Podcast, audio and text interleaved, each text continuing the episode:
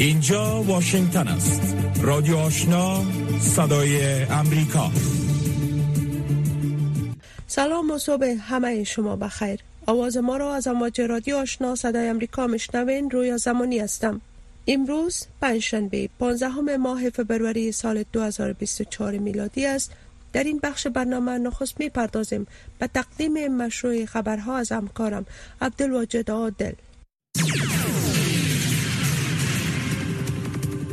سلام شنوندگان عزیز. اخبار این ساعت رادیوی آشنای صدای امریکا را به توجه می رسانم تامس نیکلاسن و تیر کالا نماینده اتحادیه اروپا برای افغانستان و کشورهای آسیای مرکزی با نمایندگان شمار از کشورهای آسیای مرکزی در نشست در شهر بشکیک پایتخت قرقستان در مورد افغانستان بحث کردند. در نشست بشکیک که چهارشنبه و درست چند روز پیش از نشست دوحه در مورد افغانستان برگزار شده است. روزا و نماینده ویژه منشی عمومی ملل متحد برای افغانستان نیز شرکت داشت.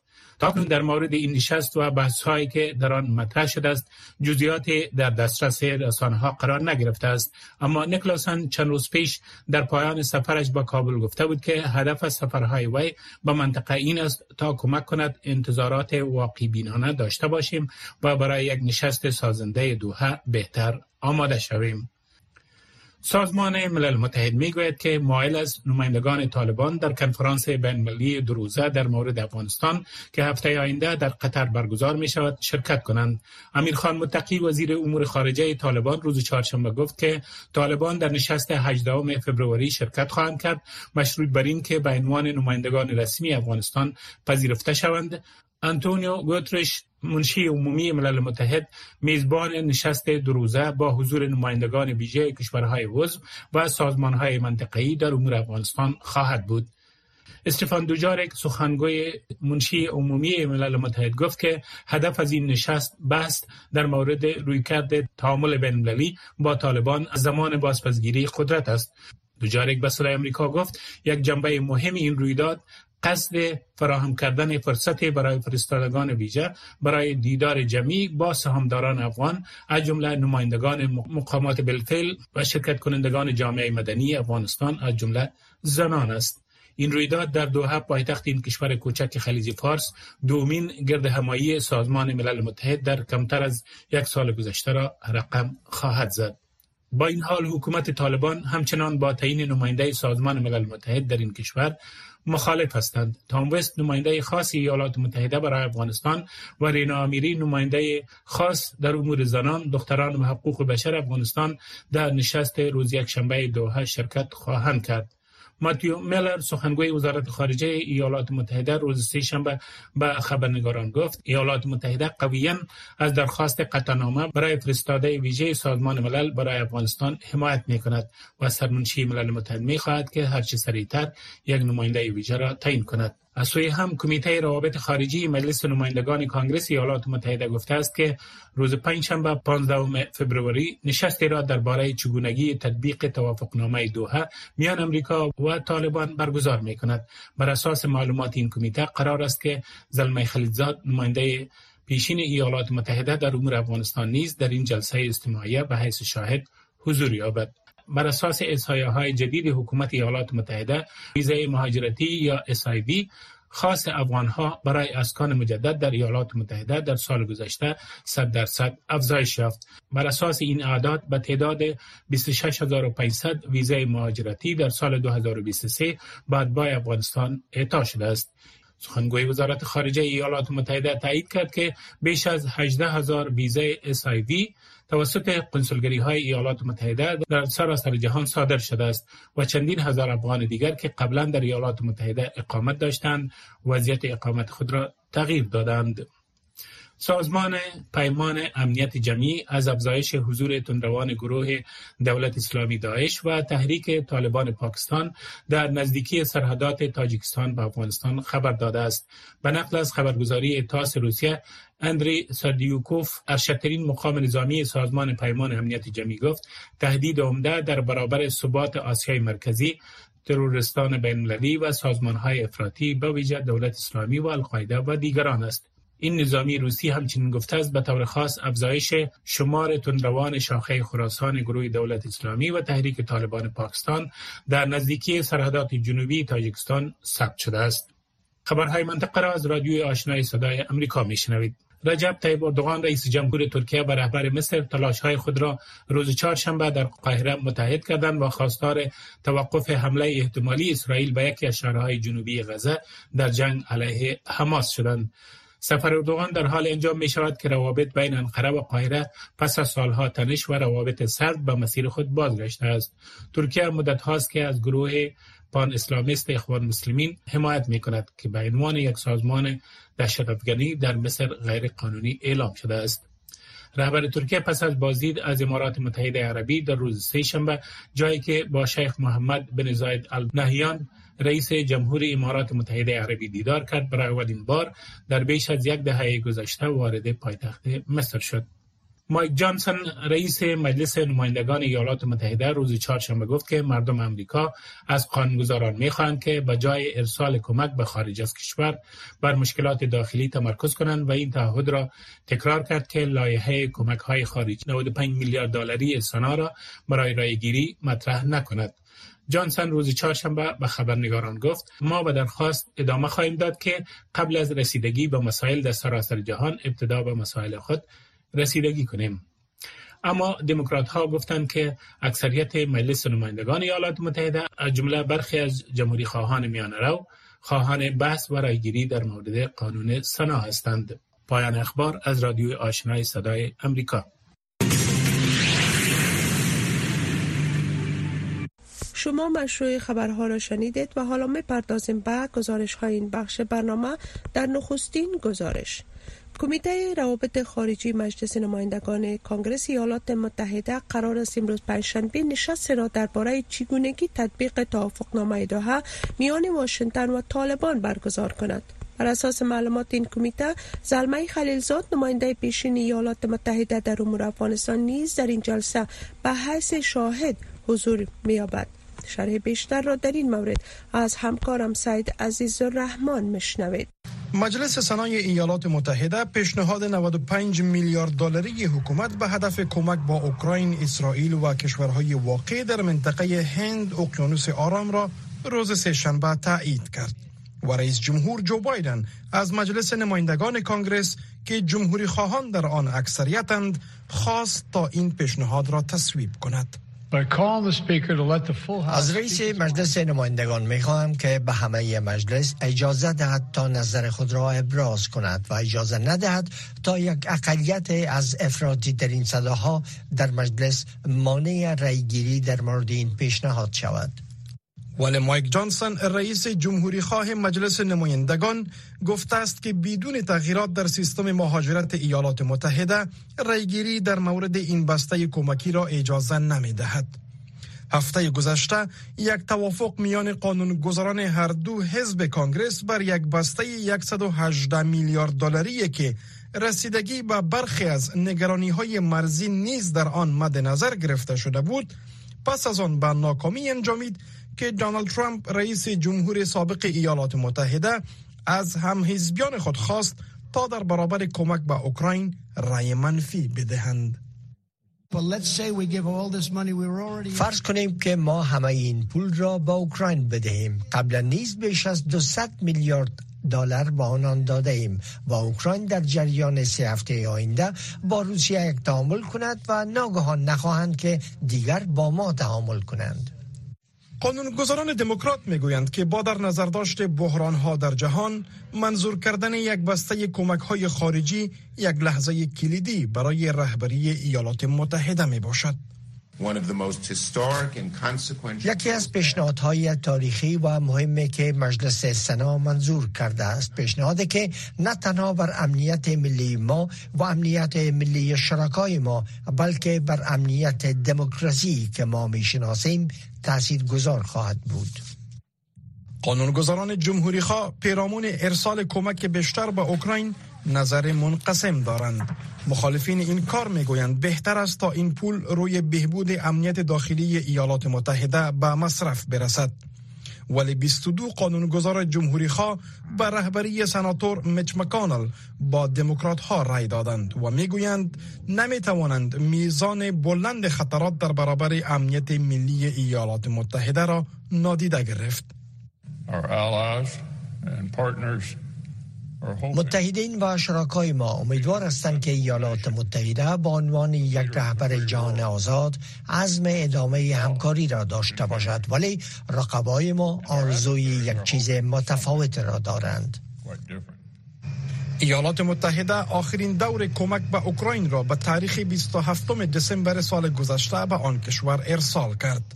یکی از تحلیلگران به صدای امریکا گفته است که به تعویق افتادن کمک های اضافی به اوکراین باعث تقویت روسیه می شود. برای پوتین این یک پیروزی است و این کار روسیه را طور تبارز می دهد که گویا در مسیر پیروزی قرار دارد و اوکراین را طور تبارز می دهد که گویا در جنگ با یک بنبست روبرو شده است. کمک به اوکراین در حال با یک بسرنوشتی روبروست که اعضای مجلس نمایندگان کانگرس الا اوایل ماه مارچ در رخصتی می باشند. در ادامه گزارش ها از امواج رادیو آشنا صدای امریکا انتظار می رود ولادیمیر پوتین رئیس جمهور روسیه لایحه را امضا کند که به حکومت اجازه می دهد اموال افرادی را که آنها را با انتشار عمدی اخبار نادرست درباره اردوی روسیه محکوم می سازد مصادره کند. شرح بیشتر گزارش صدای امریکا را از سحر عظیمی مشنوید انتظار می رود ولادیمیر پوتین رئیس جمهور روسیه لایحه‌ای را امضا کند که به حکومت اجازه می دهد اموال افرادی را که آنها را به انتشار عمدی اخبار نادرست درباره اردوی روسیه محکوم می کنند مصادره کند. این قانون در مورد ارازل و خائنان است. در مورد کسانی که با پشت سربازان ما تف می اندازند به میهن خود خیانت کردند. و کشوری که با ما در حال جنگ است پول میفرستند.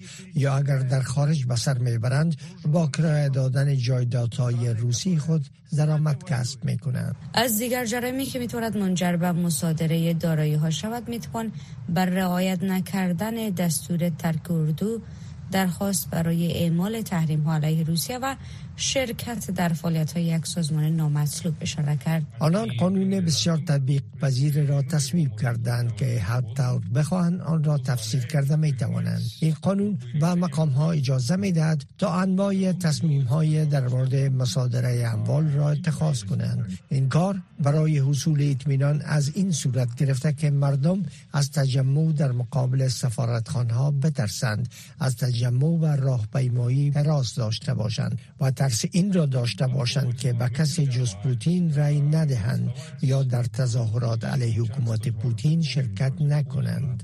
دمتری گودکوف معاون سابق مجلس نمایندگان و رهبر اپوزیسیون اکنون به دلیل انتقاد از تهاجم روسیه به اوکراین در روسیه تحت تعقیب است.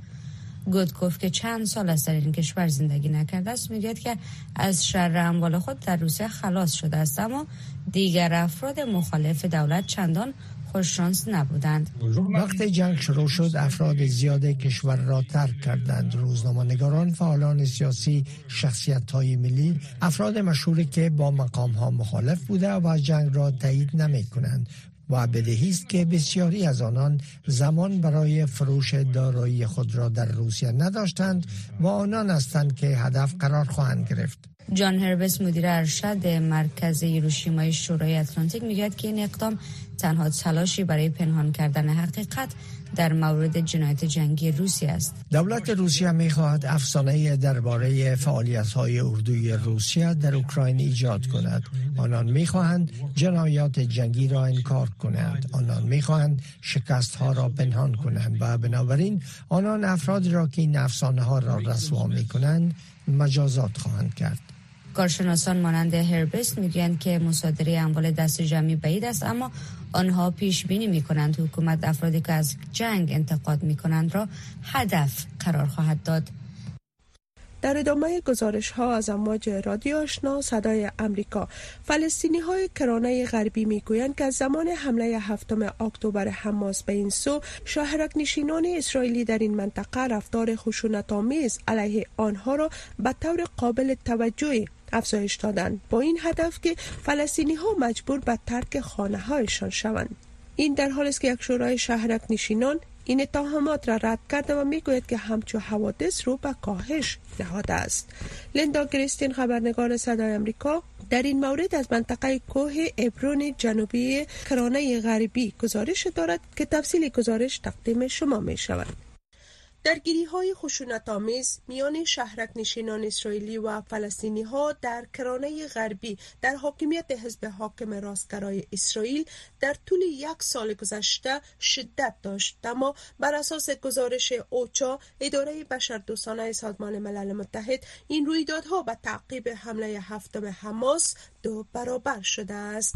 دیقانان و چوپانان فلسطینی می‌گویند بسیاری از شهرک نشینان از حکومت اسلحه دریافت کرده و به عنوان نگهبانان عمل می کنند فرید الجبار دیقان فلسطینی است. كان سيء وصار أسوأ. احنا من كل الحرب ما قدرناش نصل ارضنا الارض بدها حريث وضعیت وحشتناک است. قبلا هم وضعیت خوب نبود حال بدتر شده. در طول تمام جنگ ما به طرف زمین های خود رفتن نتونستیم. زیتون ها منوز چینده نشده و اگر ما کوشش کنیم به سوی درخت ها بریم شهرک نشینا سر ما فیر می‌کنن. تمام محصول ما خراب شده. این منطقه سی است. منطقه که 60 درصد از کرانه غربی تحت کنترل کامل اسرائیل قرار دارد. این جایی است که تمام شهرک های یهودی نشین ساخته شده است و این شهرک ها بر اساس قوانین بین المللی غیر قانونی می باشند روان حکومت اسرائیل مدت هاست که به دنبال این منطقه هستند و فلسطینی ها را تحت فشار قرار می دهند تا به مناطق دیگر تحت کنترل فلسطینی ها نقل و مکان کنند. بر اساس معلومات بت سلم یک گروه غیر انتفاعی حقوق بشری اسرائیلی از هفتم اکتبر به این سو فلسطینی ها از کم از کم 16 محله منطقه سی بیرون شدند و گفته شده است که دلیل این وضعیت حملات شهرک نشینان به خانواده ها و اموال فلسطینی های این منطقه می باشد راکد التی بیجا شده فلسطینی است. ما از پیش به داشتن مشکلات با اونا امی شهرک نشینا عادت کرده بودیم. اما بعد از حمله بر غزه اونا حتی می‌خواستن ما را بکشن. نمایندگان شهرک نشین یهودی ادعا می کنند در حالی که حملات فلسطینی ها علیه اسرائیلی ها در سال 2023 بالاترین حملات در 20 سال گذشته بوده است. برعکس حملات شهرک نشینان علیه فلسطینی ها کاهش یافته است. جاش استین سخنگوی شهرک نشینان یهودی در کرانه غربی است. IDF citing police reports um, said that after the October 7th attack اردوی اسرائیل با استناد به گزارش های پلیس می گوید که پس از حمله اکتبر خشونت های انجام شده توسط یهودیان در کرانه غربی در ماه اکتبر تا 50 درصد و در ماه نوامبر هم تا 50 درصد کاهش یافته است بنابراین هر کسی که فکر می‌کنه که در پاسخ به حملات هفتم اکتبر یهودیان در حال تبدیل شدن به مهاجمان می باشند و حملات را انجام میدن گفته است که ما آن را تایید نمی کنیم. ادعایی که رضاکاران اسرائیلی و بین المللی که از فلسطینی ها در تپه های ابرون جنوبی در برابر آزار و اذیت شهرک نشینان محافظت و حمایت می کنند این را رد می کنند بل سالات رضاکار اسرائیلی حقوق بشر است Let's start with the day, October 7th, which we all remember somewhat traumatically. Um, a, a system of بین از هفتم اکتبر آغاز کنیم. یک سلسله حملات واقعا خشونت بار و انتقام جویانه در منطقه سی آغاز شد و به گونه که گفته می‌شد حالا فرصت برای ماست. حال ما از شر اونا خود خلاص می‌کنیم.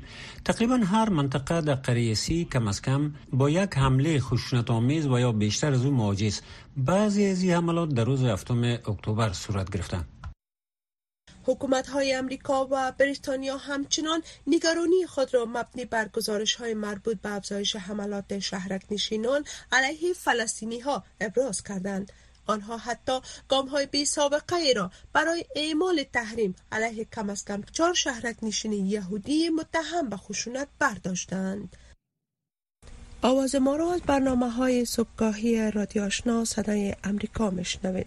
تحلیلگران سیاسی می‌گویند که نتایج انتخابات سراسری هشتم فبروری امسال در پاکستان نشان داد که محبوبیت اردوی آن کشور تا حد آسیب دیده است. اما اردوی پاکستان توان کافی را برای بدست گرفتن زمام قدرت در حکومت دارد و در مسائل استراتژیک مانند روابط با افغانستان و حکومت طالبان حرف اصلی را خواهد زد. محمد احمدی در صحبت با شمار از تحلیلگران و بررسی آینده روابط حکومت جدید پاکستان با افغانستان تحت حکومت طالبان پرداخته است.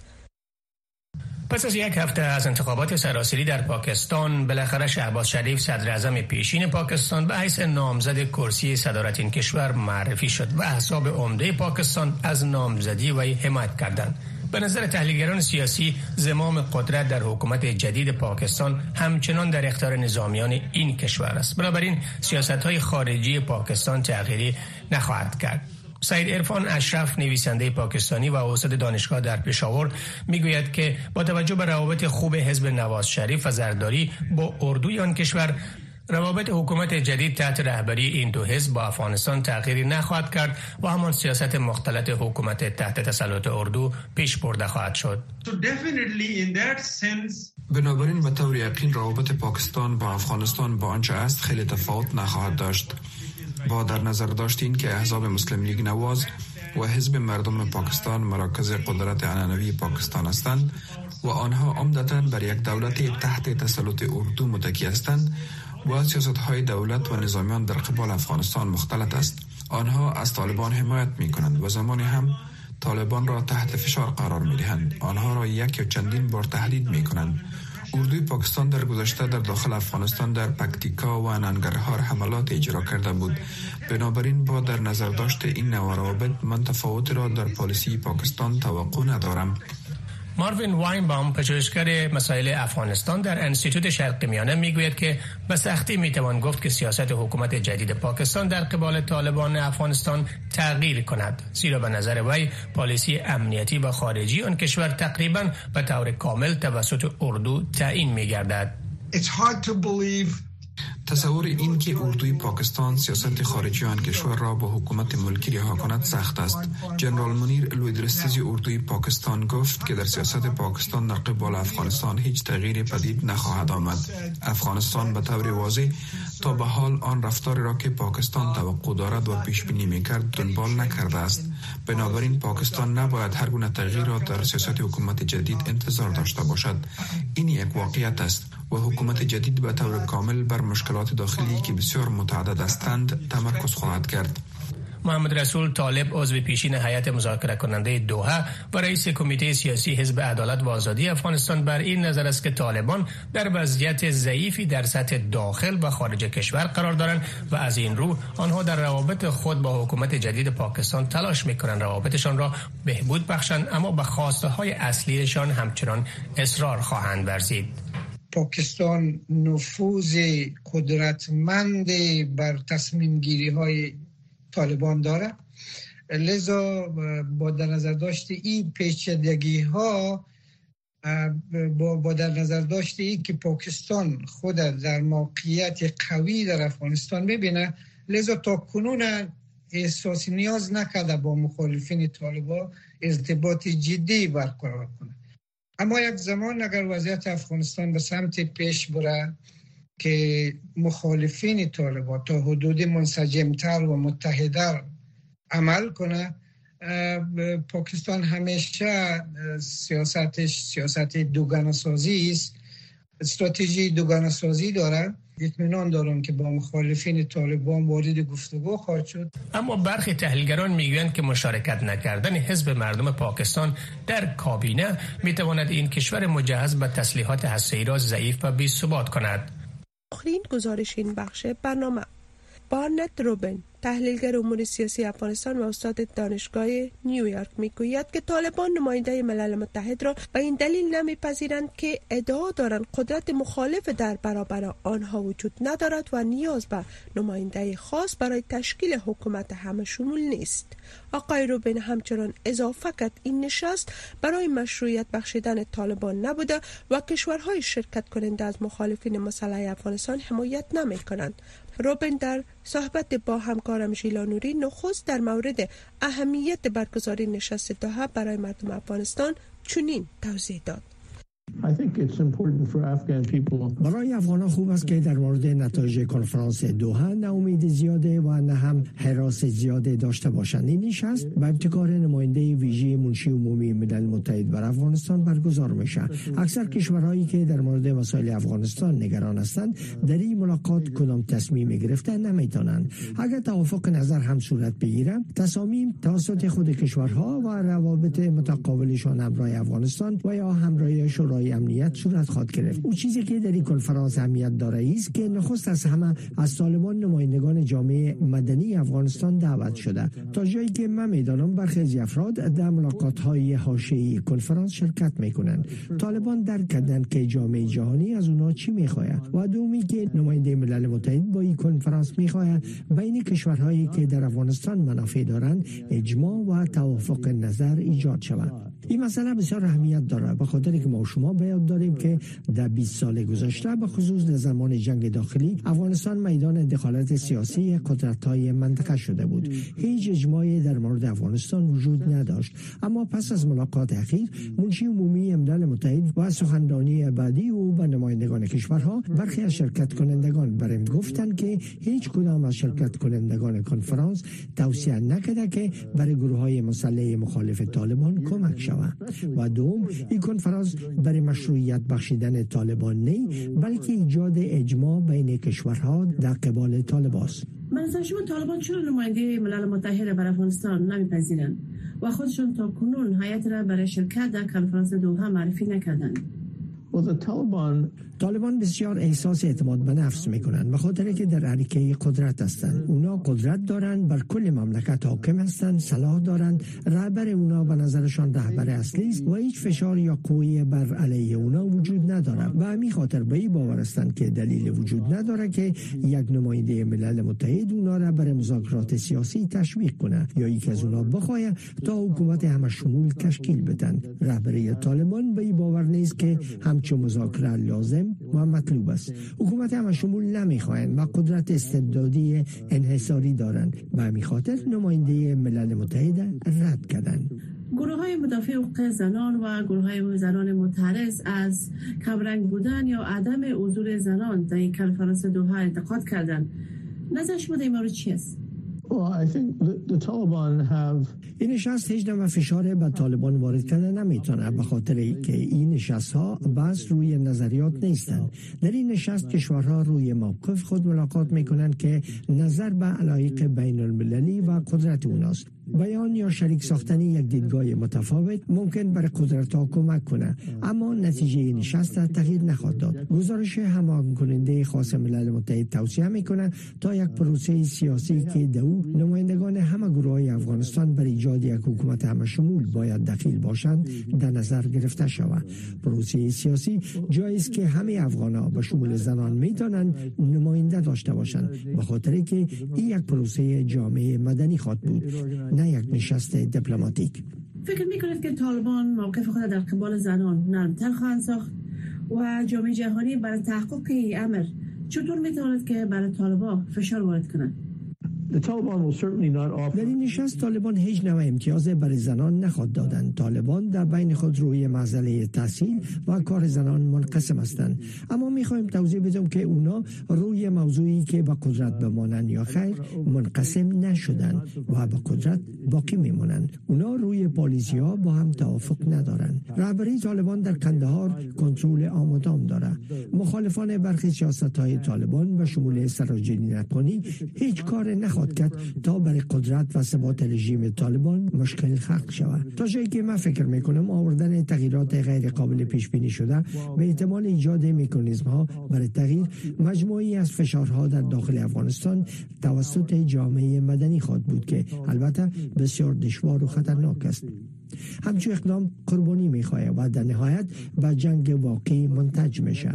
و مخالفت با طالبان با رهبری ارشد فعلی طالبان که ممکن با آوردن برخی تغییرات بعد از پنج سال یا بیشتر از شود مطمئن نیستم که یک تغییر بزرگ به وجود بیاید. اما اگر به تاریخ افغانستان کم از کم در چهار سال گذشته نظر انداخته شود دیده میشه که تغییرات به طور آنی و تعجب آور ایجاد شد که کسی پیش بینی نمی‌کرد. و همین خاطر آنچه اونا می‌تونن ایست که باید آماده باشند. این بود داشته های بخش برنامه که تقدیم شما شد. برنامه های رادیو آشنا صدای امریکا همچنان ادامه دارد. با ما باشد